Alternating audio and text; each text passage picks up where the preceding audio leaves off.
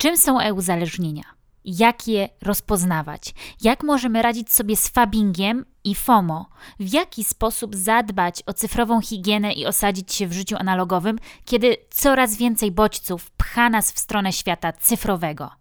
Na te i wiele innych pytań odpowie moja i wasza dzisiejsza gościni Joanna Flis, psycholożka kliniczna i psycholożka zdrowia, certyfikowana specjalistka psychoterapii uzależnień, absolwentka Uniwersytetu SWPS, psychoterapeutka systemowa w trakcie certyfikacji, pedagogzka, doktorantka na Uniwersytecie Szczecińskim, gdzie prowadzi badania naukowe na temat funkcjonowania osób uzależnionych, współpracuje także z Fundacją Dbam o mój zasięg.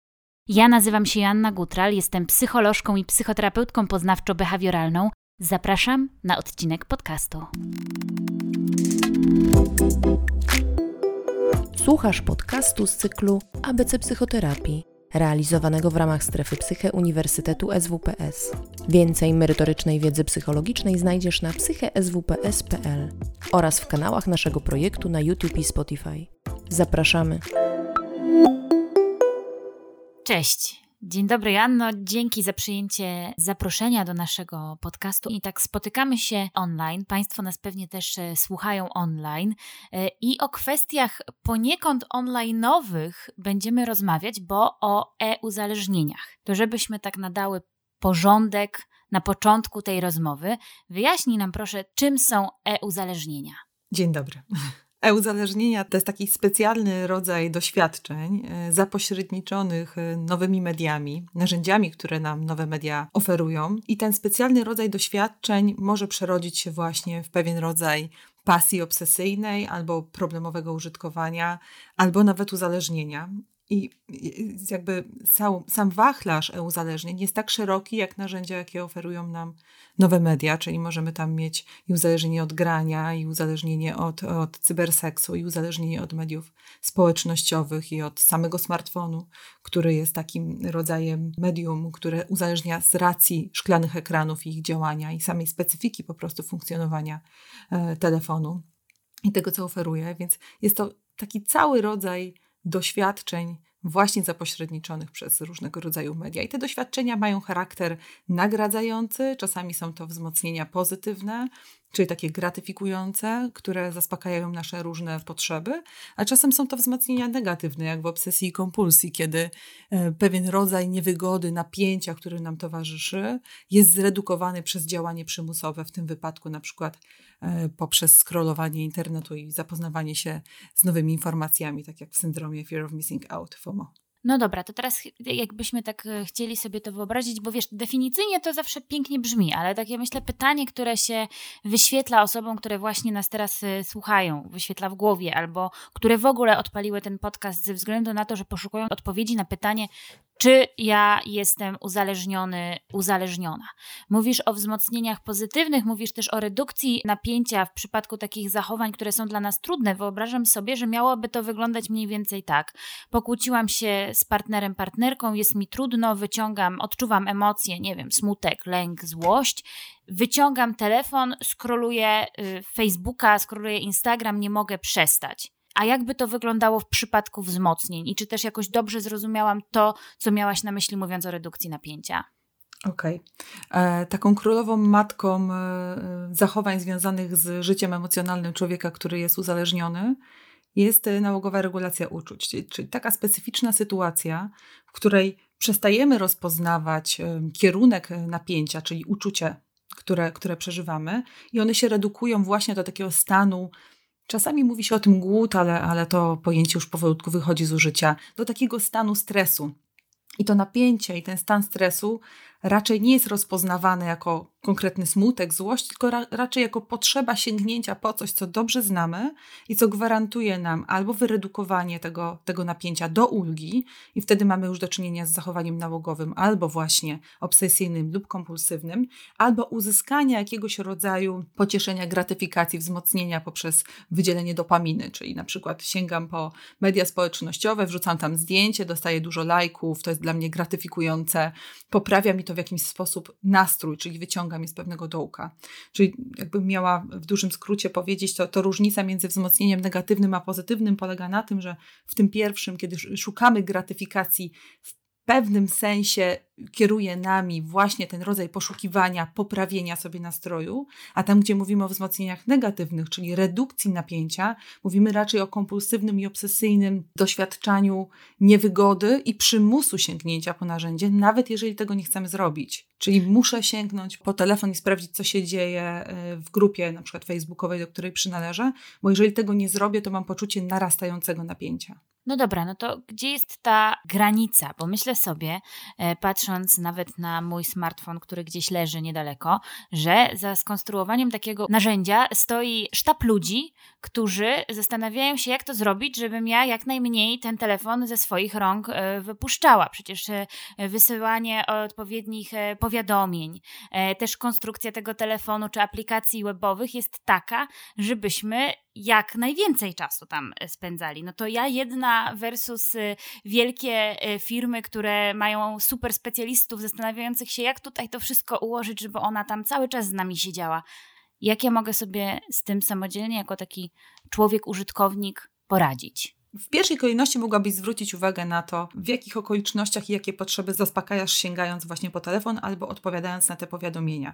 W ogóle warto spojrzeć na, z takiej perspektywy organizacyjnej na to, jak wygląda Twój pulpit na komputerze albo jak wygląda Twój pulpit smartfona i czy tam rzeczywiście jest tak, że masz uruchomione wszystkie te narzędzia wywołujące cię, czyli te bodźce takie pobudzające, czyli te mm, różnego rodzaju powiadomienia, jakieś aplikacje monitorujące Twoją aktywność, bo to też, też jest szalenie, szalenie uzależniające.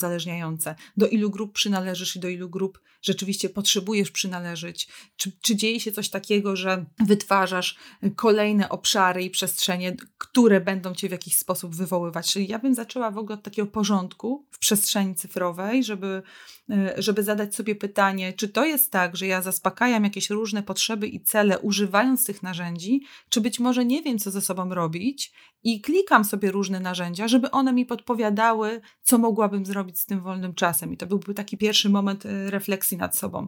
Drugi moment to wyłączyć powiadomienia, czyli uczyć się takiego sensownego zarządzania czasem w sieci. Tutaj mam na myśli też powiadomienia związane z pocztą elektroniczną. W takiej książce, którą Wam polecę na koniec, autor pisze o tym, że przeciętny pracownik korporacji odpowiada na maila w 6 sekund. E, więc jakbyśmy spojrzeli z takiej perspektywy y, reaktywności, takiej gotowości do, do odpowiadania na to, co się dzieje w sieci y, y, cyfrowej, e, to rzeczywiście jest to przerażające. E, więc chyba zaczęłabym od tego właśnie, żeby sprawdzić, czy ja jestem na tej krótkiej smyczy, czy nie na ile jestem na tą krótką smycz reaktywna i jak długo jestem w stanie wytrzymać, kiedy na moim pulpicie smartfonu wisi jakieś powiadomienie, a ja na nie nie reaguję. Jakbyśmy spojrzeli z perspektywy tych doświadczeń uzależniających, czyli tych kotwiczących te zachowania, no to ci twórcy, o których mówisz, oni, im przede wszystkim zależy na tym, abyśmy byli zwarunkowani na szybkie odpowiadanie na te różne bodźce, które się pojawiają, w tym też bodźce, które sami podbijamy, skrolując na przykład przestrzeń cyfrową. Więc, więc ja bym zaczęła od porządku, od celów, od potrzeb, od nauki y, cyfrowych porządków czyli takiego wyrzucania tego, co już nie jest aktualne, wyrzucania tego, co już nie jest mi potrzebne, od zawężania, od rozumienia swojej bańki informacyjnej, czyli od tego, jak wygląda moja przestrzeń cyfrowa, w zależności od tego, jakie zachowania wcześniej, wcześniej mną kierowały. Bańka cyfrowa jest taką rzeczywistością, którą tworzą dla nas algorytmy, które śledzą naszą aktywność, a potem podsuwają nam treści zgodne z poprzednimi wyborami, więc w pewnym sensie jesteśmy więźniami swoich poprzednich wyborów i warto tą bańkę informacyjną sobie przeglądać i ją po prostu na bieżąco modyfikować, czyli dokonywać innych wyborów, czy czy, czyścić ciasteczka, zmieniać przeglądarki, e, czasem e, nawet usunąć profil, co dla niektórych może być trudne, ale usunąć profil po to, aby dziś to, co się dzieje na naszej tablicy, było bardziej adekwatne do tego, czego potrzebujemy. Więc, więc w dużym skrócie, jak odpowiadając na Twoje pytanie, postawiłabym najpierw na samoświadomość. Kto najczęściej się uzależnia, e-uzależnia? Jest kilka predyspozycji osobowościowych, które, które nas e, predysponują do uzależnienia. Na pewno to jest niska zdolność do samokontroli jako cecha wyjściowa, czyli jeżeli jestem osobą impulsywną, poszukującą wrażeń, albo która ma małą zdolność do zarządzania swoimi procesami ewolucjonalnymi, czyli tymi związanymi z motywacją, to pewnie jest to predysponujące. Na pewno, jeżeli jesteśmy uzależnieni wcześniej od jakichś innych zachowań, czyli papierosy, e, alkohol, narkotyki, mamy za sobą jakiś taki taki rodzaj eksperymentalnego zażywania narkotyków. To, to gdzieś nas to predysponuje do, do uzależnienia, bo, bo mechanizmy są takie same, one się po prostu przerzucają. To jest właśnie w tej, w tej grupie doświadczeń uzależniających i w tej grupie są i substancje psychoaktywne i, i, i również zachowania behawioralne. Na pewno jest taka grupa osób, które są niskosumienne, zgodnie z badaniami osoby, które mają niską sumienność, to są te, które, które częściej się uzależniają. Pewnie to jest związane ze zdolnością do, do podejmowania aktywności, na które nie mamy ochoty, a które wynikają na przykład z naszych obowiązków albo, albo, albo z pracy. Z pewnością podobno jest tak, że, że wysoki neurotyzm, czyli lęk, który nam towarzyszy, jest to najprawdopodobniej związane z tymi zachowaniami kompulsywnymi, które służą redukowaniu lęku, którego nie rozumiemy, y, który nas w pewnym sensie zalewa.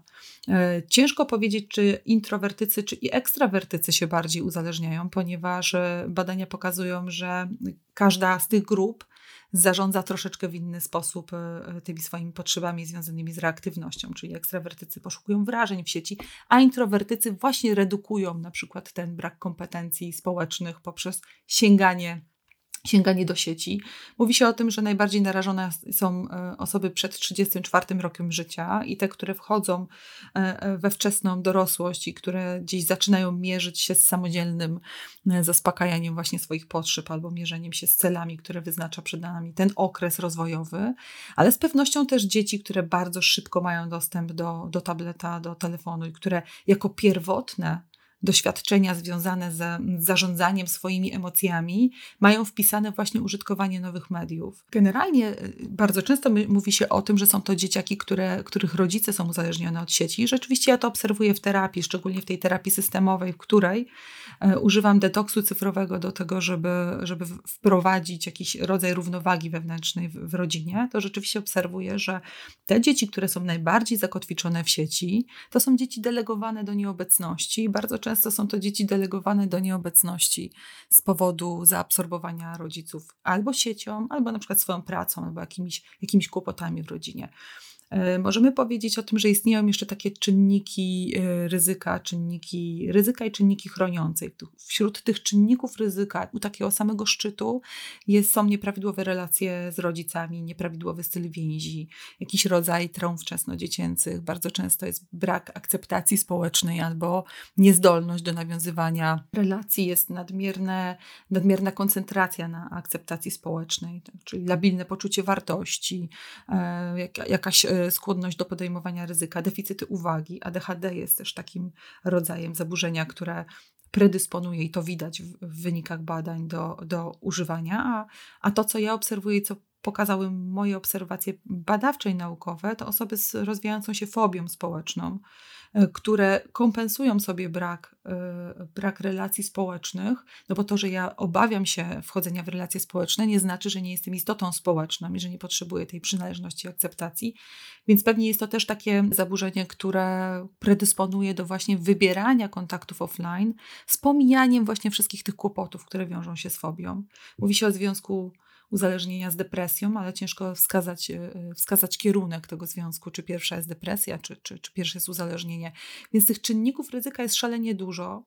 E, no bo internet generalnie jest w stanie skompensować nam większość e, potrzeb, których nie jesteśmy w stanie realizować w związku właśnie z tymi ograniczeniami lub deficytami.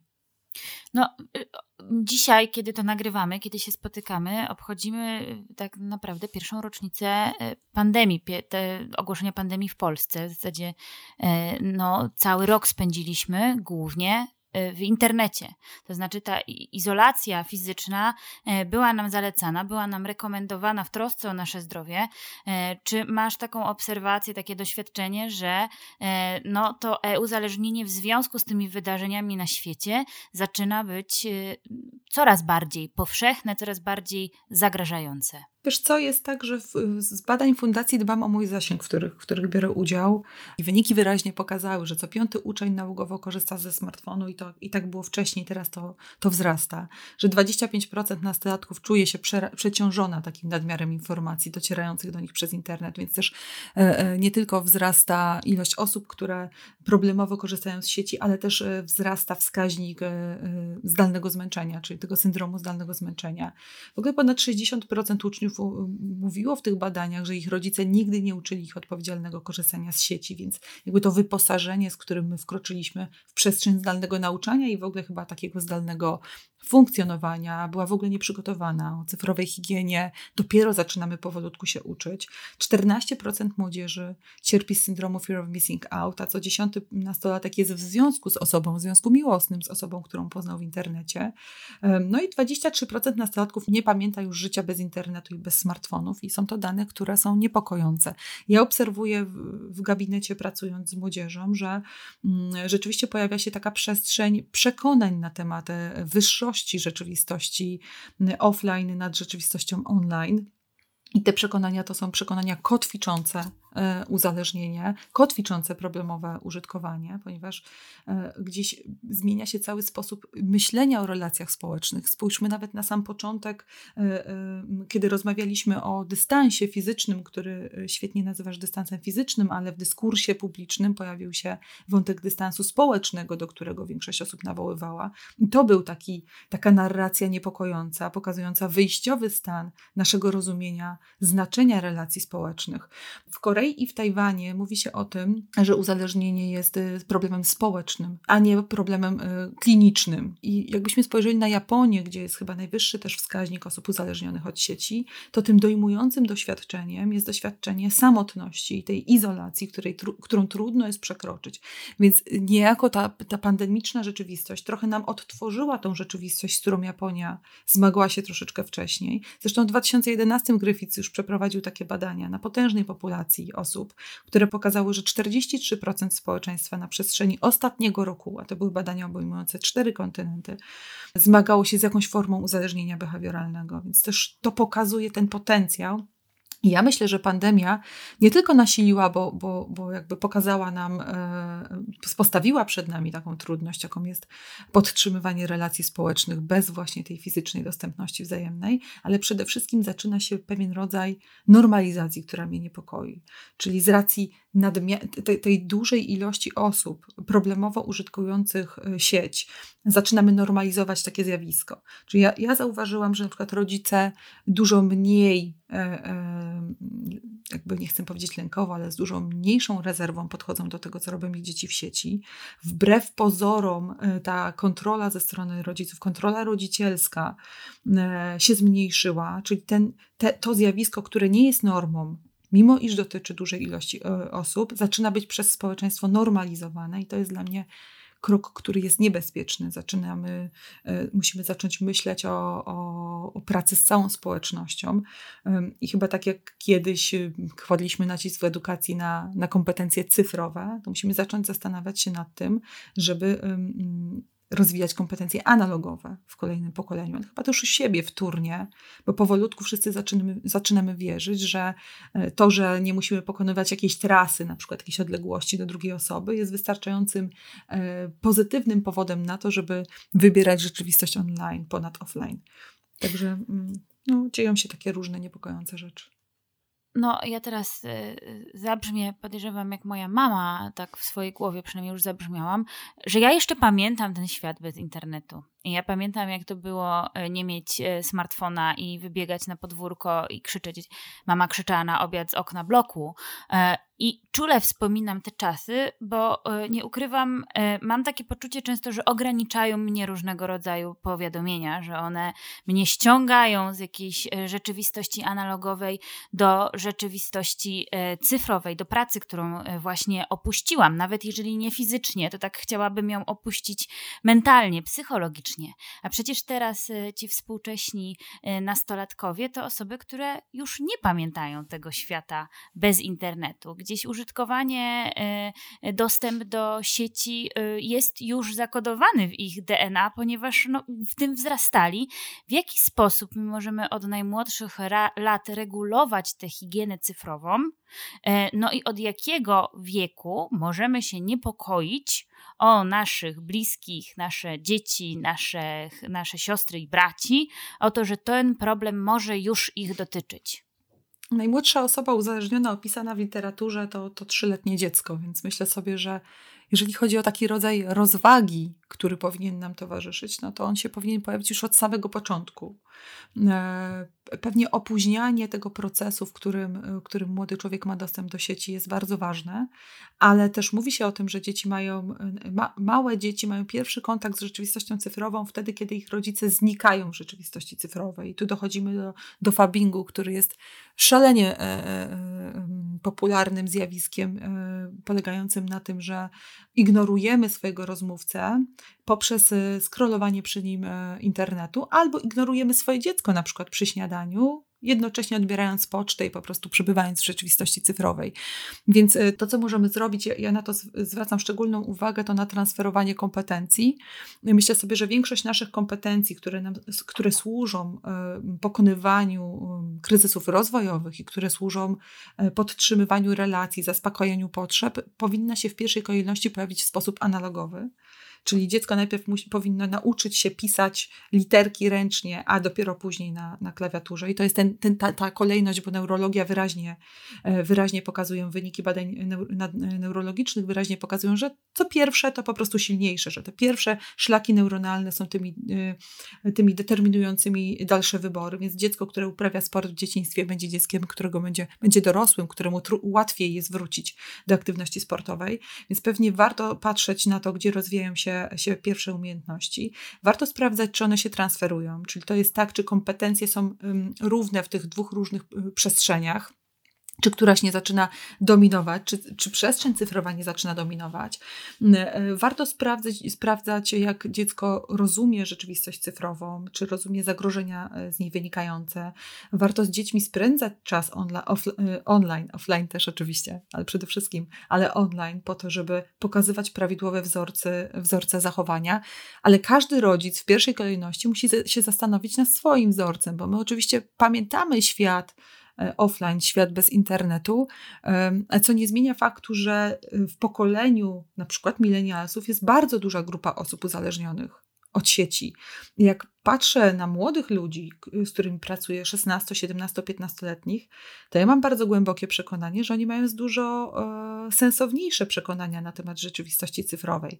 Mimo tego, że często przywołują e, takie cechy, które według nich są ważniejsze w rzeczywistości offline, e, online niż offline, to i tak jakby ich świadomość zagrożeń albo świadomość funkcjonowania właśnie algorytmów albo konstruowania tych doświadczeń uzależniających jest dużo większa niż w pokoleniu rodziców więc, więc pewnie jeżeli chcemy e, zmniejszyć ryzyko takiego e, kształtowania postaw u własnego dziecka, które mm, prowadzą do uzależnienia od sieci, to musimy najpierw przyjrzeć się własnym postawom, bo dzieci przede wszystkim robią to, co widzą, a nie to, co od nas słyszą.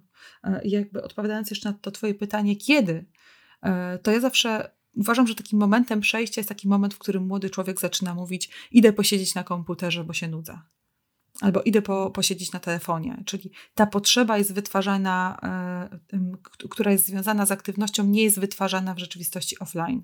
Czyli dziecko wtedy wyraźnie mówi, że cierpi na jakiś rodzaj nudy, której nie potrafi e, przekształcić na kreatywność, że doświadcza jakiegoś rodzaju monotonii, bez sensu bycia w rzeczywistości offline'owej, że nie potrafi skorzystać z relacji interpersonalnych, które ma pod ręką, czyli w domu, tylko poszukuje jakiegoś zastępczego e, e, środka, który wytworzy ten cel, za którym ono może podążać, bardzo często y, docierając na sam kraniec internetu.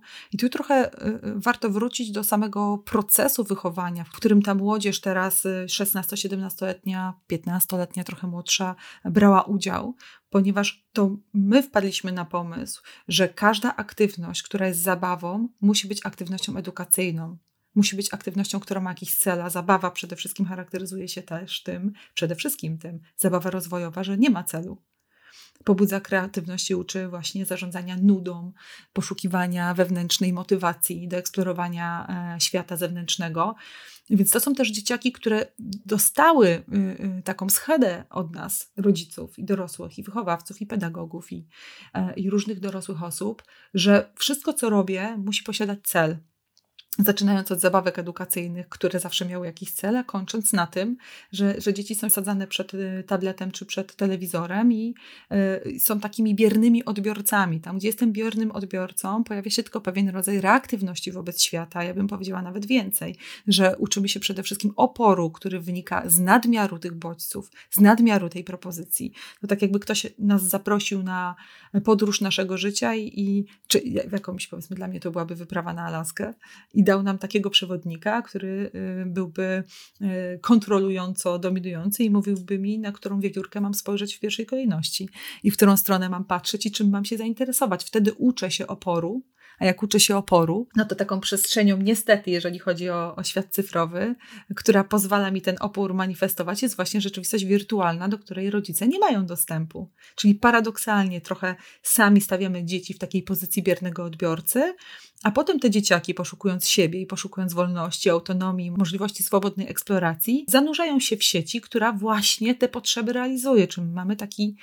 tak, do czynienia z takim samonapędzającym się e, schematem. No dobra, a kiedy obserwujemy, nie tylko u dzieci, bo tak jakoś zeszłyśmy mm-hmm. do dzieci, ale też przyjrzyjmy się krytycznie sami sobie. Kiedy obserwuję nie tylko siebie, ale na przykład mojego partnera, partnerkę, bliską mi osobę, współlokatora, współlokatorkę, który jest z tym e, telefonem, czy e, gra na komputerze późno w nocy, E, w jaki sposób mogę zacząć z nim tę dyskusję? Bo też tak jeszcze ciągnąc w stronę dzieci, to rozumiem, że schowaj ten telefon to nie jest najlepszy komunikat, e, mhm. który e, ma szansę na jakieś powodzenie i skutek, jeżeli chcemy zadbać właśnie o tę regulację użytkowania tego typu urządzeń. Schowaj ten telefon generalnie wzbudza bardzo dużą złość. No, jak jest nacisk, to jest opór i to jest jakby jasne.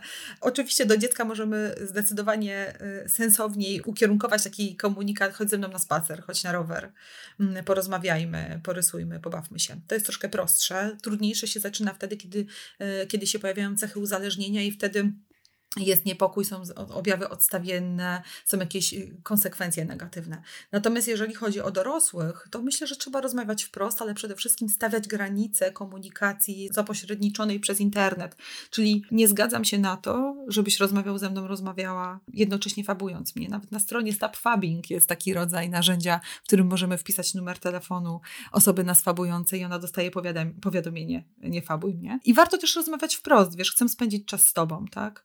E, zależy mi na tym, żeby to był czas offline, zależy mi na tym, żeby w tym nie uczestniczył e, telefon, komórka, tak? Albo widzę, widzę objawy, które, które się pojawiają i które są negatywnymi konsekwencjami, oczywiście używając jakiegoś takiego bardziej przyjemnego języka, tak? Bo to nie może być język konfrontacyjny, ale widzę, że jesteś bardziej rozproszony, albo że świat cyfrowy cię pochłania. Słyszę, że nie słyszysz moich pytań, że mi nie odpowiadasz, tak? Albo że się, przestajemy e, się komunikować, albo że wybierasz pisanie do mnie na Messengerze, a nie komunikację twarzą w twarz mimo że mieszkamy w jednym pomieszczeniu. Mm, jestem zwolennikiem osobistej asertywności wobec właśnie braku higieny cyfrowej ze strony innych osób, e, bo te osoby, które są uzależnione i które spędzają czas e, online e, z innymi, one spędzają też ten czas online z osobami, które nie są uzależnione i my się też na to godzimy, na taki kontakt się godzimy, więc taką pierwszą informacją zwrotną jest zdrowy komunikat o tym, że no wiesz, wyjdę z tobą do restauracji pod warunkiem, że w międzyczasie nie odpiszesz na 20 maili. Chętnie z tobą pójdę na spacer, ale mm, w tym czasie być może nie oglądajmy różnych filmów na YouTubie. Albo chętnie z tobą porozmawiam o uczuciach, albo o tym, co, co czujesz i co przeżywasz, ale w jakiś inny sposób niż używając emotikonek. Trzeba może... umieć rozmawiać o tych uczuciach, żeby móc się w mhm. taką dyskusję zagłębić. Masz takie poczucie, że no właśnie, to przenoszenie do świata cyfrowego w jakiś sposób wypycha nas z tego analogowego łatwiej jest wysłać emotikonkę niż zagłębić się w rozumienie tego, co ja czuję, co mnie boli, co mnie dotyka, co mnie trapi na tu i teraz. No, mogę wysłać obrazek albo gifa, przecież one są takie śmieszne, też fajnie nas maskują. Po pierwsze, taka komunikacja daje nam złudzenie kontroli, no bo ona jest niesynchroniczna, więc ja mogę w pełni kontrolować i moje ciało, i też to, co powiem, i w jaki sposób powiem. E, po drugie, no trochę wracamy do pisma obrazkowego, chociaż ja nie uważam, żeby to był jakiś bardzo duży problem, tylko uważam, że brakuje edukacji na temat komunikacji e, symbolicznej związanej z, z emocjami. Myślę sobie, że jak spoglądam na dorosłych ludzi, którzy są w terapii uzależnień i pracują na dzienniku uczuć, to tam repertuar emocjonalny zawężony jest do kilku stanów, tak? Czyli oni y, mówią, że są, są w stanie napisać, że są szczęśliwi, smutni, źli, czasami w lęku. E, przy czym tych emocji mamy setki, tak?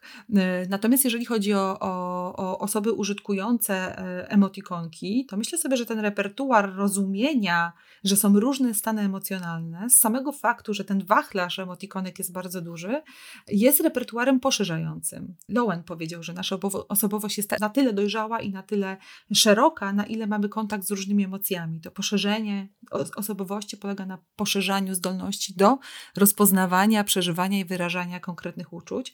I jeżeli byśmy wprowadzili taki model e, edukacji na poziomie inteligencji emocjonalnej, edukacji związanej z emocjami, która związana byłaby właśnie z pismem obrazkowym, z pismem symbolicznym, z symbolicznym wyrażaniem tych emocji, to jest takie duże prawdopodobieństwo, że ta, ci młodzi ludzie, którzy, którzy z tego korzystają, a czasami nawet dorośli, mieliby z tego wyjątkowe korzyści, tak? Bo przecież kiedy my pracujemy z jakimś rodzajem dziennika uczuć, to też używamy symboliki. Słowo nazwa też jest symbolem, bardzo podobnym do do tego, którego używamy w emotikonkach. Badania pokazały, że osoby, które używają emotikonek w nadmiarze, mają trudność z empatycznym rozumieniem drugiej osoby bez informacji zwrotnej, czy z czytaniem ciała.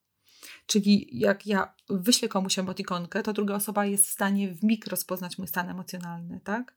E, ten, ten, z tego kodu. Natomiast kiedy ktoś się mi przygląda, to ma trudność z rozpoznaniem, jaka jest skala tej emocji, którą przeżywamy. Natomiast nie wydaje mi się, żeby kłopotem było, było samo przejście na pismo obrazkowe. Bardziej wydaje mi się, że kłopotem jest to, że, że to nie weszło po prostu w przestrzeń edukacyjną. Mówiłaś o cyfrowym detoksie i tak się zaczęłam mhm. e, zastanawiać, kiedy mówimy o takim detoksie e, od substancji, no to też widzimy objawy odstawienne u osoby, która nadużywała na przykład jakiejś substancji. A jak to jest w przypadku e-uzależnień? Czy my też możemy widzieć pewnego rodzaju objawy odstawienne? Tak, i to na poziomie psychologicznym i na poziomie fizjologicznym, ponieważ cyfrowa farmakeria, czyli ten rodzaj stymulacji naszego mózgu przez szklane ekrany, jest bardzo podobna do tego, co robi nam heroina. Badania pokazują, że, że to, co się dzieje w naszym mózgu pod wpływem heroiny, ma swoje odzwierciedlenie wtedy, kiedy poddajemy się łaskotaniu dopaminy, które nam serwuje szklany ekran. Więc mamy kilka takich objawów. Jeżeli chodzi o objawy psychologiczne, no to tam jest potężny wachlarz, tak? Od lęku, niepokoju, agresji, złości, E, frustracji, e, trudności w znoszeniu monotonii, nudy, czasem bólu, aż po e, objawy wynikające z tego, że my, kiedy nie możemy korzystać ze świata cyfrowego, to nie możemy zaspokajać tych potrzeb, które zaspokajaliśmy dotychczas dzięki światu cyfrowemu. Więc ten repertuar będzie tak szeroki, jak potrzeby, które pojawiały się w tej rzeczywistości cyfrowej, a które tam były zaspokajane. Natomiast jeżeli chodzi o objawy odstawienne, odstawienne fizjologiczne, no to w takiej bardzo nasilonej wersji to może być efekt Tetrisa, czyli ja widzę elementy gry, na przykład jeżeli jestem graczem w rzeczywistości, która mnie otacza, to może być psychoza wywołana grami wideo. Dr Dulkan wyraźnie mówi, która się specjalizuje w detoksach cyfrowych, wyraźnie mówi, że przynajmniej 50% młodych osób, które ona poddaje detoksowi cyfrowemu, ma objawy depresji, fobii społecznej, ADHD, nadpobudliwości psychoruchowej, które ustępują wraz z okresem trwania detoksu, czyli są raczej taką formą konsekwencji, e, czyli właśnie tych objawów fizjologicznych odstawienia, aniżeli pierwotnym, pierwotnym kłopotem e, e, tych osób. Więc wśród objawów odstawiennych mogą być też trudności z zasypianiem, wybudzaniem się, z przerywanym snem, zaburzeniem rytmu okołodobowego, zmianą, zmianą całej temporalności na temporalność nocną. E, mogą być problemy e, związane z bólami głowy, czasami e, z powrotem takich psychosomatycznych objawów, czyli jakieś bóle brzucha, napięcia w ja bym powiedziała, że repertuar e, zaburzeń wynikających z używania przestrzeni cyfrowej, a które wynikają z, z, z, uzależnienia, jest tak samo szeroki jak ten, który dotyczy narkotyków czy alkoholu. Przy czym nie mamy takich e, wyraźnych, e, takich wyraźnych okresów abstynencyjnych, czyli na przykład jak 12 dni przy alkoholu. Ja bym nawet czasem powiedziała, że to są dłuższe kłopoty. Na przykład takie zaburzenia koncentracji uwagi, zarządzania w ogóle uwagą potrafią towarzyszyć osobom uzależnionym od sieci latami. Więc tak, tych, tych objawów jest dużo. No dobra, bo też tak sobie pomyślałam, mówiłaś o tym, żeby porządkować e, swój e, pulpit, żeby porządkować aplikacje, żeby wyłączać powiadomienia. Rozumiem, że to są takie pierwsze kroki, które moglibyśmy sobie zaserwować w kwestii no, takiego samodzielnego aplikowania tych początkowych etapów detoksów, ale ja doskonale wiem, w którym folderze zakopałam Instagram mhm. w moim telefonie. To jest bardzo prosta ścieżka, żeby żebym tam wróciła.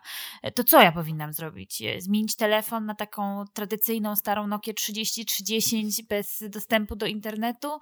Czy powinnam, nie wiem, wyjechać w Bieszczady i rozbić obóz, żeby odciąć się od tego świata cyfrowego?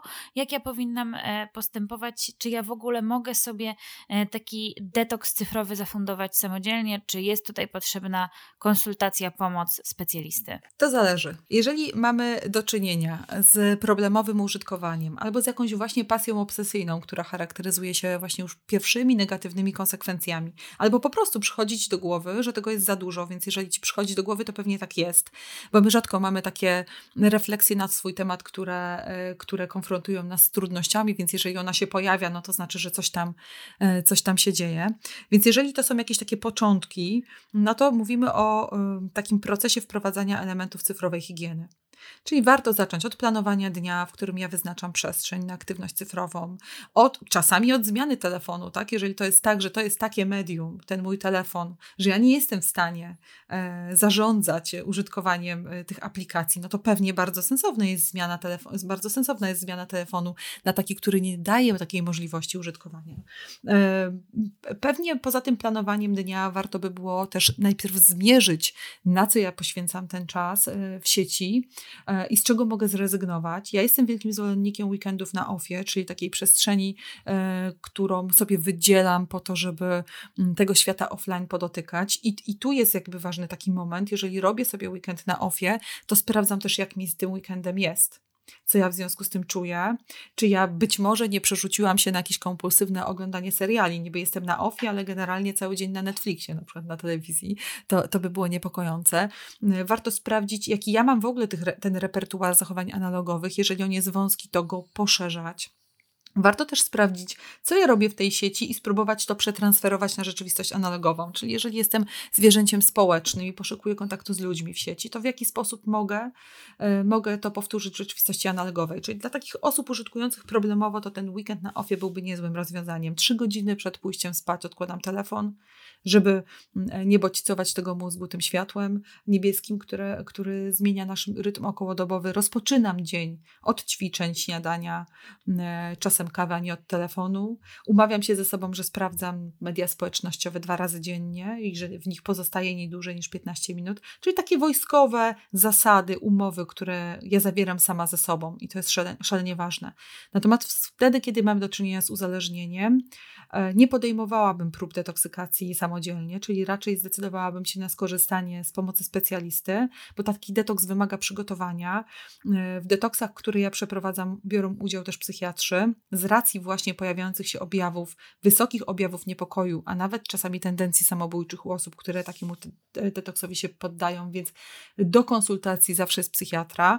Detoks cyfrowy trwa od 4 do 6 tygodni, zakłada kompletne wycięcie się z rzeczywistości cyfrowej, mm, ale takie, które nie jest związane z ucieczką w Bieszczady, tylko takie, które odbywa się na przestrzeni, na której codziennie przebywam. Ten detoks cyfrowy zakłada, że ja nie tylko wychodzę z sieci, ale też nie słucham radia, nie oglądam telewizji, nie gram e, w jakieś gry na Nintendo, jeżeli jeszcze, jeszcze je posiadam. E, detoks cyfrowy przebiega łagodniej i rzeczywiście korzystniej wtedy, kiedy wszyscy domownicy e, poddadzą się zasadom detoksu. W trakcie detoksu cyfrowego planujemy, rozliczamy dzień, wprowadzamy nowe zachowania. Przed detoksem cyfrowym taka osoba musi się nauczyć, zanim go wprowadzimy, rozpoznawać emocje, redukować emocje, kontenerować emocje, nauczyć się podstawowych zasad relaksacji. E, przy przygotowaniach do detoksu cyfrowego używamy implementacji intencji. Bardzo dużo się pracuje nad implementacją intencji, po to, żeby w sytuacji wzmożonego stresu u osób, które nie mają dostępu do pamięci intencjonalnej, pojawił się taki spadochron e, właśnie w postaci zaimplementowanej intencji, który pozwoli szybko skorzystać z nowego repertuaru behawioralnego. W trakcie detoksu cyfrowego jest też sporo sesji terapeutycznych. Najczęściej jest od dwóch do trzech sesji terapeutycznych. Jeżeli jest to detoks systemowy, to wtedy w sesjach bierze udział cała rodzina. E, jeżeli jest to detoks cyfrowy, w którym y, na przykład dorośli e, przekraczają zasady detoksu, czyli na przykład e, po cichu robią zakupy na Zalando, zamykając się w łazience, no to wtedy musimy też umówić się na jakieś reguły, zasady, konsekwencje złamania zasad. Mm, te konsekwencje najczęściej związane są z tym, że jeżeli ja łamię zasady, to muszę zorganizować dla swojego systemu, do którego przynależę, jakiś rodzaj analogowej aktywności w następny dzień. Coś, co pozwoli innym, reszcie e, w, w troszkę łatwiejszy sposób, z, z większą um, przyjemnością przechodzić przez okres detoks detoksykacyjny. Więc tu warto skorzystać z pomocy terapeuty, psychologa, również psychiatry, chociażby po to, że wszystkie nieudane próby detoksykacyjne zmniejszają wiarę w to, że ja jestem w stanie zapanować nad swoim zachowaniem, czyli ja jestem w stanie przejąć kontrolę nad własnym życiem, uwalniając się od tego wyuczonego schematu związanego z uzależnieniem. W trakcie detoksu też rozpoznajemy wyzwalacze, uczymy się rozpoznawać ten stres, który się pojawia w związku z detoksem, więc tu warto e, mieć po prostu taką rękę, która poprowadzi, która pokaże, która zwróci uwagę na, na ważne rzeczy. No i dobrze by było, aby on był skuteczny, ten detoks, czyli żeby umieć rozpoznawać korzyści e, i motywy konkurencyjne to tak teraz sobie słucham tej naszej rozmowy, myślę sobie o niej intensywnie, e, szukając kolejnego pytania i miałam taką refleksję, że ktoś, kto nas słucha już pewnie około 40 minut, mógłby mieć taką myśl, że urządzamy tutaj jakąś krucjatę przeciwko e, social mediom, e, grom komputerowym i że przecież my od tego nie uciekniemy. To już jest mhm. taki element świata. Social media wpisały się w naszą rzeczywistość na tyle, że nie jesteśmy w stanie odwrócić głowy głowy i udawać, że ich nie ma. Co więcej, myślę sobie, że jeżeli nie będziemy nadążać za nowymi aplikacjami, też popatrzmy, jak to się rozwijało. Facebook, zaraz potem Instagram, TikTok, y, od niedawna Clubhouse, który moim zdaniem mi przynajmniej wytworzył taki efekt FOMO, że musiałam bardzo świadomie wyłączyć y, siebie z tej aplikacji, bo mm, odczuwałam silne lęki, napięcie. I y, to co teraz? Mam jakoś tak się w ogóle odwrócić? Nie, nie, mnie social media nie dotyczą. Skasuję profil na Facebooku, na Instagramie albo w ogóle nie będę tego sprawdzać Przecież ja stracę jakąś część rzeczywistości, ale także platformy do komunikowania się z moimi rówieśnikami. Co robić w takiej sytuacji? Jak to wyważyć? Jasne, do, dobrego słowa użyłaś, bo, bo, bo, przede wszystkim chodzi o równowagę. Ja absolutnie nie jestem e, przeciwnikiem e, nowych mediów, wręcz przeciwnie. Myślę sobie, że one otwierają nas na różne nowe doświadczenia. Mm, natomiast rzeczywiście warto szukać tej równowagi i, i, i sprawdzać przede wszystkim, do czego my używamy. Ale też to co, to, co powiedziałaś, jest dla mnie bardzo ważne. To nadążanie, ten efekt nadążania, czyli e, w kulturze celu rzeczywiście tak nam się wytwarza, że my przede wszystkim musimy być na bieżąco i przede wszystkim musimy musimy wyznaczać sobie coraz to nowe cele. W Alicji w Krainie Czarów jest ten, ten piękny cytat, który, który trochę oddaje po nowoczesność, tak? Czyli żeby być w tym samym miejscu e, musisz biec, tak? A żeby być w miejscu e, troszeczkę dalej musisz biec dwa razy, dwa razy dalej. Więc warto też sobie sprawdzać, jakie przekonania ja mam w głowie. Czy rzeczywiście moim zadaniem e, rozwojowym jest na, nadążanie za zmieniającą się rzeczywistością. Nadążanie, które zastępuje adaptację, bo adaptacja polega na tym, że ja w tej rzeczywistości E, oswajam się z tymi rzeczami, które mi są potrzebne, z tymi strukturami, które są dla mnie korzystne, że ja używam e, wytworu kultury, jakim jest internet, do tego, żeby właśnie zaspokajać swoje potrzeby związane z rozwojem czy z kontaktem z innymi ludźmi. Natomiast nie mam przymusu nadążania za zmieniającą się rzeczywistością. Czyli pomijam e, ten właśnie czasami obsesyjno-kompulsywny niepokój, który się wytwarza we mnie wtedy, kiedy czuję, że gdzieś jestem poza, e, wiesz, głównym nurtem, nie? E, że, że nie rozumiem rzeczywistości, która, która mnie otacza. No, więc jakby tutaj bym na tym się skupiła. Czy, czy ja używam tej sieci dlatego, że chcę nadążać, czy ja jej używam dlatego, że rzeczywiście ona mi proponuje to, co jest dla mnie ważne? Warto też sprawdzić, co jest dla mnie ważne. Czy ja rzeczywiście kieruję się mm, moimi wewnętrznymi motywacjami, do tego, żeby sięgać po różne narzędzie, czy ja jestem tylko takim biernym odbiorcą, który jest kształtowany przez wszystko to, co sieć mi, sieć mi tam podpowiada.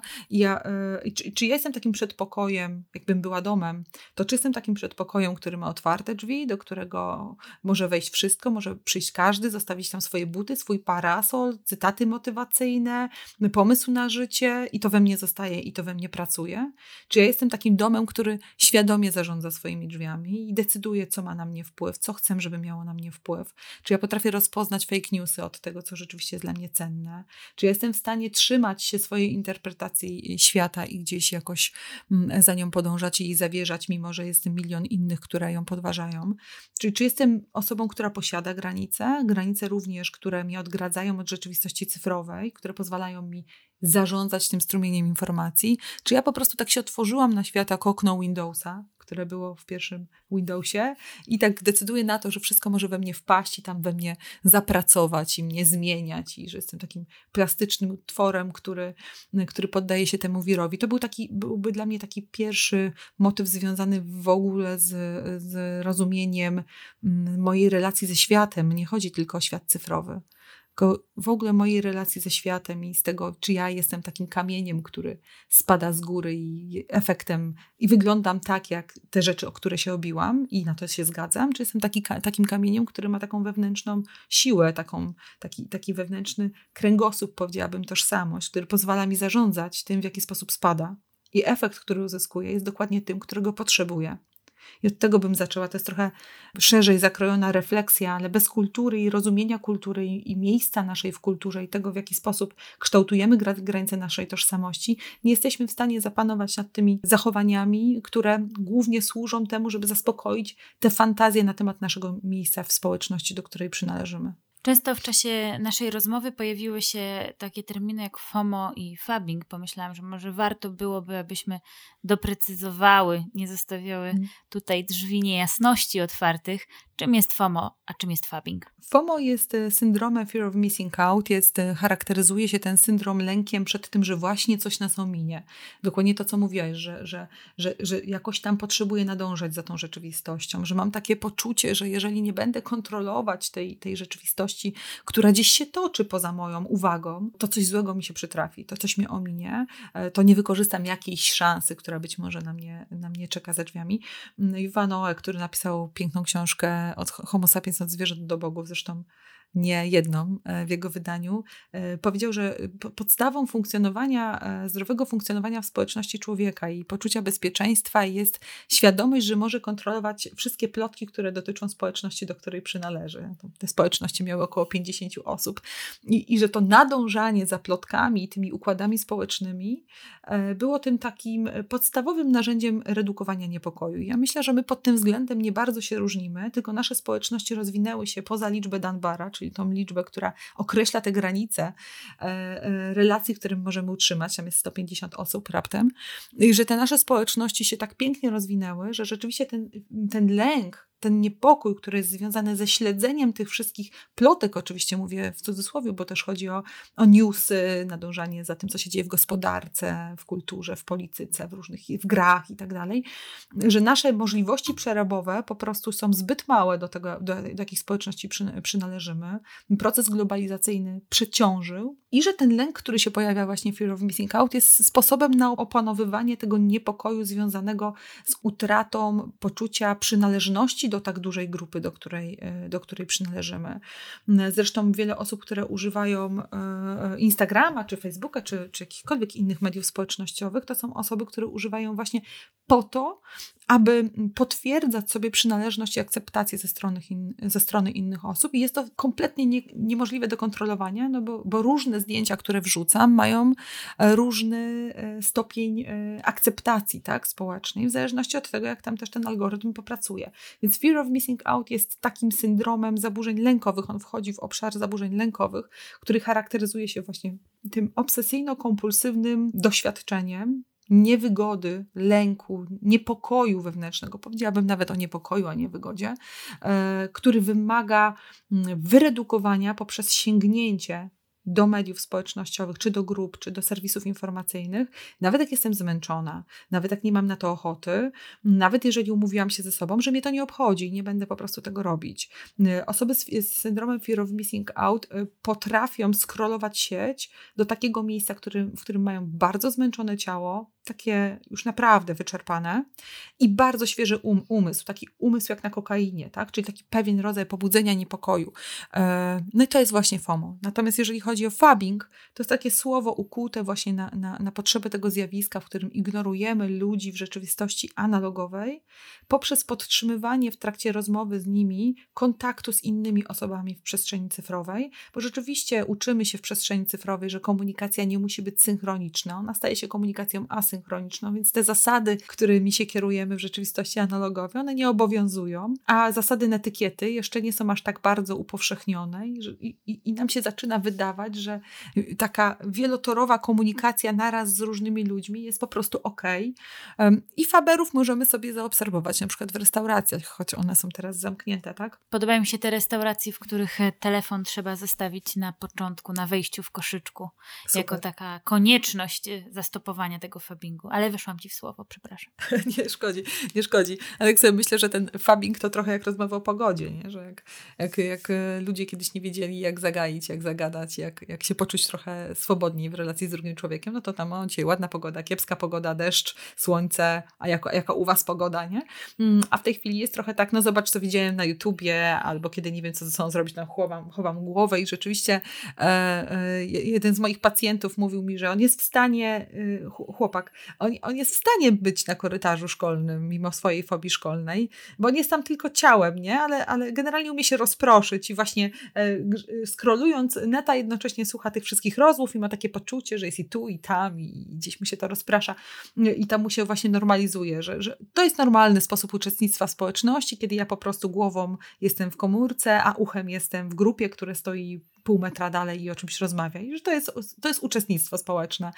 E, więc, więc faberzy mają rzeczywiście to, te normy przesunięte. Zresztą na stronie Stop Fabbing macie takie dane internetowe e, na temat z badań wynikających, które pokazują, że 80% młodych osób, około 80% młodych osób preferuje ten rodzaj kontaktu przez Messengera i właśnie nawet siedząc obok kogoś, tak, to po prostu ten rodzaj kontaktu, bo on gwarantuje intymność, właśnie pełną kontrolę, wyklucza obecność ciała, no, różne tam takie pewnie fantastyczne rzeczy się zadziewają dla osób, które mają kłopoty w relacjach interpersonalnych. Stąd e, osoby z fobią społeczną to są takie osoby, które, których choroby przeradzają się w zespół hikikomori, ten syndrom opisany w Japonii, który polega na kompletnym nieopuszczaniu swojego pokoju na rzecz życia w internecie z pełnym przekonaniem, że to jest najlepsza droga, jaką można, e, można sobie wybrać na życie.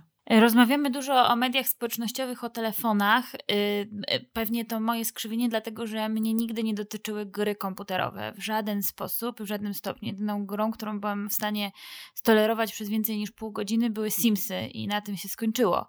E, natomiast wiem, że jest to pewnego rodzaju problem i y, stanowi też to e-uzależnienie. To gdybyś mogła nam opowiedzieć coś o grach komputerowych, czy to też jest tak, że jedne są bardziej uzależniające od innych, innych e, gier. No i teraz z perspektywy, nie wiem, rodzica, partnera, no Przecież kiedyś można było iść na boisko i nie wiem, pograć w piłkę albo iść ze znajomymi na pizzę do restauracji, a teraz to ja mogę z tymi kumplami e, i koleżankami pograć e, po prostu w grę przez internet. No więc mogłoby się wydawać, że wraz z pandemią to jest pewnego rodzaju sposób na nudę. To kiedy to jest sposób na nudę i znalezienie aktywności, a kiedy to jest e-uzależnienie? Jeżeli chodzi o gry, to chyba jest to najbardziej taki rozbudowany, jeżeli chodzi o badania naukowe, obszar uzależnień. Patologiczny gracz to taki gracz, który generalnie doświadcza destrukcji na wszystkich poziomach swojego życia ale też bardzo mocno doświadcza destrukcji na poziomie e, swojej fizyczności, czyli mamy, mamy przykłady e, psychos wywołanych grami wideo na przykład, albo takie przykłady śmierci przed grą wideo. Gry wideo są o tyle kotwiczące dla różnych osób, ponieważ w zależności od tego, jaka to jest gra, to tam mamy inną potrzebę. Mamy takich poszukiwaczy przygód, którzy poszukują jakichś nowych doświadczeń, mamy osoby, które potrzebują monitorować e, swój rozwój, dostawać informacje zwrotne na temat tego, w jaki sposób się rozwijają. Gry są też o tyle kotwiczące, że nie zawsze wygrywamy i nie ponosimy jakichś bardzo brutalnych konsekwencji przegrania. E, mamy też osoby, które potrzebują grać w społecznościach, potrzebę przynależności, do mnie najbardziej przemawia też taka potrzeba mm, celu i sensu istnienia, którą można w grze odnaleźć. Jakkolwiek to patetycznie brzmi, to tak trochę po jungowsku, bo jakbyśmy spojrzeli na, na bohaterów gry, w których my się wcielamy, no to często są to bohaterowie, którzy są archetypowi Więc y, jakbym spojrzała na, na młodych ludzi uzależnionych od gier, to to są te często osoby, które poszukują jakiejś tożsamości, jakiegoś właśnie sensu istnienia, jakichś celów wytworzonych e, na potrzebę właśnie mm, analizy własnego poczucia wartości. Gry komputerowe i uzależnienie od gier komputerowych charakteryzują się takimi e, sześcioma, e, sześcioma cechami. Na pewno powinniśmy się nie, niepokoić wtedy, kiedy jest wysoki poziom zaabsorbowania, czyli ten pewien rodzaj pasji, który można by było nazwać harmonijną, przyradza się w pasję obsesyjną i wtedy pojawia się taki rodzaj zaabsorbowania, który wyklucza realizowanie innych zadań życiowych. Wtedy, kiedy pojawia się wyższa tolerancja, to jest w wyniku też działania e, spadku wydzielenia dopaminy, czyli nasz mózg przyzwyczaja się do tej stymulacji, wysokiej stymulacji dopaminą i w, konsekwencji wytwarza coraz mniej tej, tej dopaminy, więc musimy coraz więcej grać, żeby mieć ten sam efekt. E, ta tolerancja też u osób uzależnionych od gier charakteryzuje się tym, że one przestają czuć negatywne konsekwencje płynące z ciała. Czyli e, nie czuję głodu, nie, nie czuję potrzeb fizjologicznych, nie czuję zmęczenia pleców, nie czuję e, zmęczenia karku, nie czuję zmęczenia oczu, czyli odcinam się przez, od ciała. Temu odcięciu też towarzyszy coraz wyższa imersyjność gier wideo. E, imersyjność to taka cecha, która pozwala nam zanurzyć się w świat wirtualny i odciąć od, od tego e, ciała, biologicznego, więc im bardziej imersyjne gry, tym mniejszy kontakt z ciałem i, i tym większa tolerancja na to pozostawanie. Tu mamy też do czynienia ze świeżym umysłem. Na pewno modyfikacja nastroju, przy czym nastrój osób uzależnionych oscyluje od napięcia do ulgi. Czy ja już nie rozpoznaję um, uczuć, rozpoznaję tylko, że chce mi się grać, albo że boję się, że nie będę mógł grać, albo że potrzebuję zagrać. I, i i rozpoznaje tylko te emocje takie mocno odchylone, nie? z taką y, mocno odchyloną walencją, czyli bardzo duża złość, albo bardzo, bardzo duże napięcie, albo jakiś, jakaś ekscytacja, jakiś rodzaj pobudzenia. Mi trochę przypominają graczy amfetaministów, czyli oni funkcjonują w trochę bardzo podobny sposób. E, mamy przy grach symptomy odstawienne, czyli cały niepokój psychoruchowy i też potężna fala agresji. Mamy też y, y, konflikty, w które wchodzą gracze z innymi domownikami, ze swoimi partnerami, partnerkami. Na pewno takim symptomem niebezpiecznym jest to, jeżeli ja już gram w pracy, jeżeli ja gram po nocach, jeżeli ja przestawiam rytm okołodobowy po to, żeby grać, jeżeli ja ukrywam moje granie, ukrywam przed innymi, przed sobą, jeżeli ja fantazjuję o graniu, to jest też dla mnie zawsze taki, taki motyw e, niebezpieczny, jeżeli e, człowiek mówi, wiesz, ja nawet jak nie gram, to, to myślę w głowie o strategiach, e, jakie mogę, jakich mogę użyć w trakcie gry, więc to jest też niepokojące. Jeżeli ktoś zaczyna właśnie uważać, uważać, że ta społeczność online'owa, do której przynależy, która jest związana z grą, jest jego społecznością e, tą pierwotną, najważniejszą. Na pewno jeżeli się pojawia obojętność wobec świata natury i taka niska zdolność do tolerowania, e, mogłabym powiedzieć, takiego wolno płynącego strumienia bodźców z rzeczywistości naturalnej, bo ta wiewiórka e, w lesie nie skacze tak szybko jak na filmie, który oglądamy i ten strumień nie płynie tak wartko, czasami musimy poczekać. I na pewno uzależnienie od grania w gry Y, charakteryzuje się nawrotem. Czyli nawet jeżeli ja wpadam na jakiś pomysł, że w tym tygodniu nie będę grała, nie będę grał, y, no to ten, natychmiast po zrealizowaniu tego pomysłu wracam do starego modelu grania.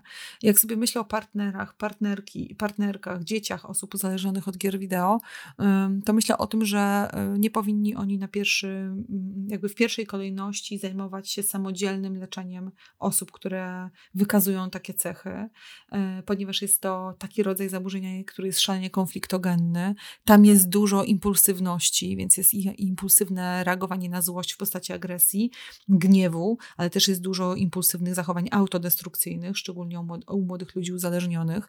Więc mm, to, co możecie e, Państwo zrobić, to przede wszystkim skorzystać z pomocy specjalisty, bo tam, gdzie mówimy o chorobie, to już trudno mówić o samoleczeniu albo o jakiejś takiej sensownej, leczącej interwencji rodzinnej.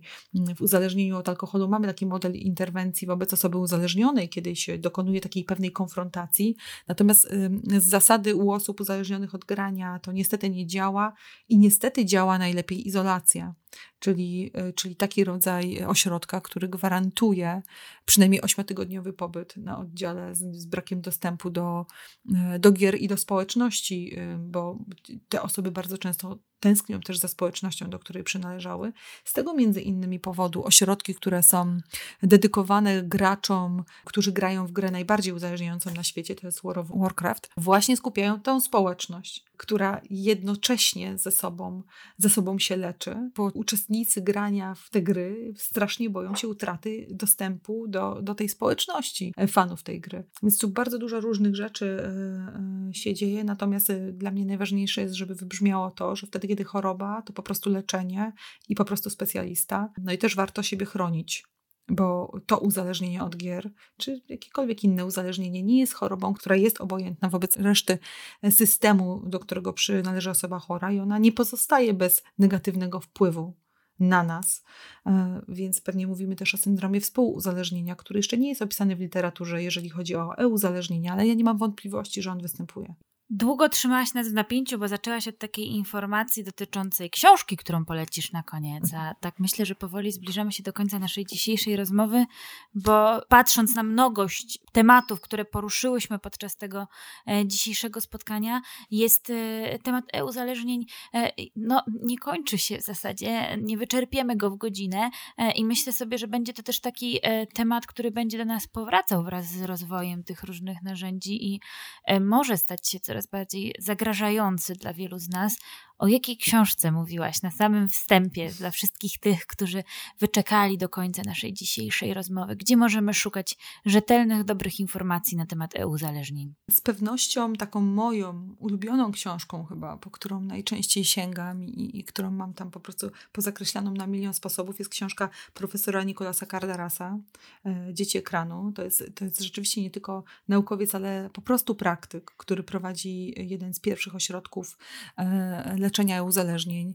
Książka jest napisana w sposób no, szalenie rzetelny i, i, interesujący, fajnym, lesaferystycznym językiem, więc jak najbardziej e, można po nią sięgać i, i, to jest skarbnica wiedzy.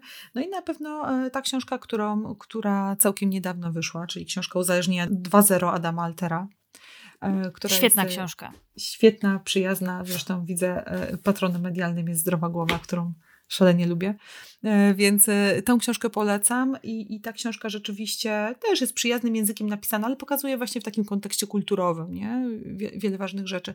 Na stronie Krajowego Biura do Spraw Przeciwdziałania Narkomanii pojawił się ciekawy raport uzależnienia teoria, profilaktyka, terapia, który można sobie pobrać w postaci właśnie książki PDF i on jest takim raportem naukowym, ale zwraca uwagę na, na, na wiele, wiele ważnych rzeczy. Na pewno y, polecam Wam też stronę uzależnienia behawioralne na której pojawia się dużo różnych ciekawych rzeczy. No i oczywiście polecam Wam e, stronę fundacji, e, w której aktywnie pracuję jako terapeuta właśnie uzależnień, czyli Fundacji Dbam o mój zasięg, e, na której pojawiają się raporty z badań, jakieś informacje na temat cyfrowej higieny, albo w tej chwili projekt szkoły odpowiedzialnej cyfrowej, cyfrowo, do którego można się zapisać, a który ma właśnie taką ambicję nauczyć szkoły, jak łapać tą równowagę, o której mówiłyśmy. No właśnie, w jaki sposób ten e, program uczy, bo rozmawiałyśmy o nim trochę przygotowując się do naszej dzisiejszej, e, naszego dzisiejszego spotkania i mnie bardzo ten projekt, pomysł zafascynował. To gdybyś mogła e, nas jeszcze zainspirować tym, co możemy sobie z tego programu wziąć, ale także gdzie Ciebie możemy znaleźć i w jaki sposób możemy skorzystać z Twojej wiedzy. Ja od siebie gorąco polecam, aby śledzić profile Joanny w mediach społecznościowych, bo bardzo sporo e, informacji dotyczących nie tylko e, uzależnień można tam znaleźć. Okej, okay, dziękuję. Wiesz co, projekt Szkół Odpowiedzialnych Cyfrowo to jest taki projekt, który zakłada mm, psychoedukację w zakresie właśnie odpowiedzialności cyfrowej. Jesteśmy w trakcie przygotowywania takiego podręcznika dla szkół. Podręcznika takiego do, do, z gruntu praktycznego, napisanego właśnie prostym językiem, z masą narzędzi, które służą temu, aby poszukiwać równowagi w szkole, czyli budować tą przestrzeń szkolną właśnie w takiej w postaci równowagi. E, szkoła odpowiedzialno-cyfrowa to w tej chwili otwarty projekt, do którego może się zapisać każdy dyrektor szkoły, zapisując swoją szkołę. E, na wstępie e, otrzyma szkolenia, podręcznik, masę narzędzi do tego, żeby, żeby budować, budować tą odpowiedzialność cyfrową w szkole. Więc to jest taki projekt właśnie przez Fundację Dbam o mój zasięg i tam możecie mnie znaleźć, a oprócz tego możecie mnie znaleźć na mojej stronie joannaflis.pl Albo na Uniwersytecie Szczecińskim, gdzie prowadzę badania naukowe. Janno, bardzo dziękuję Ci za spotkanie. Dziękuję za to, że znalazłaś dla nas czas. Moim i Państwa gościem była Joanna Flis. Joanno, dzięki wielkie za to, że byłaś z nami dzisiaj. Dzięki serdecznie, wzajemnie. Do zobaczenia. A wszystkich Państwa zapraszam na kanał na YouTubie do wysłuchiwania naszych podcastów e, na Spotify oraz e, zapraszam również do grupy Strefy Psyche na Facebooku. Tam będziecie mogli Państwo również zadawać pytania e, do kolejnych podcastów, które będziemy nagrywać w ramach cyklu ABC Psychoterapii i nie tylko. Żegnam Państwa bardzo serdecznie i do usłyszenia już niebawem.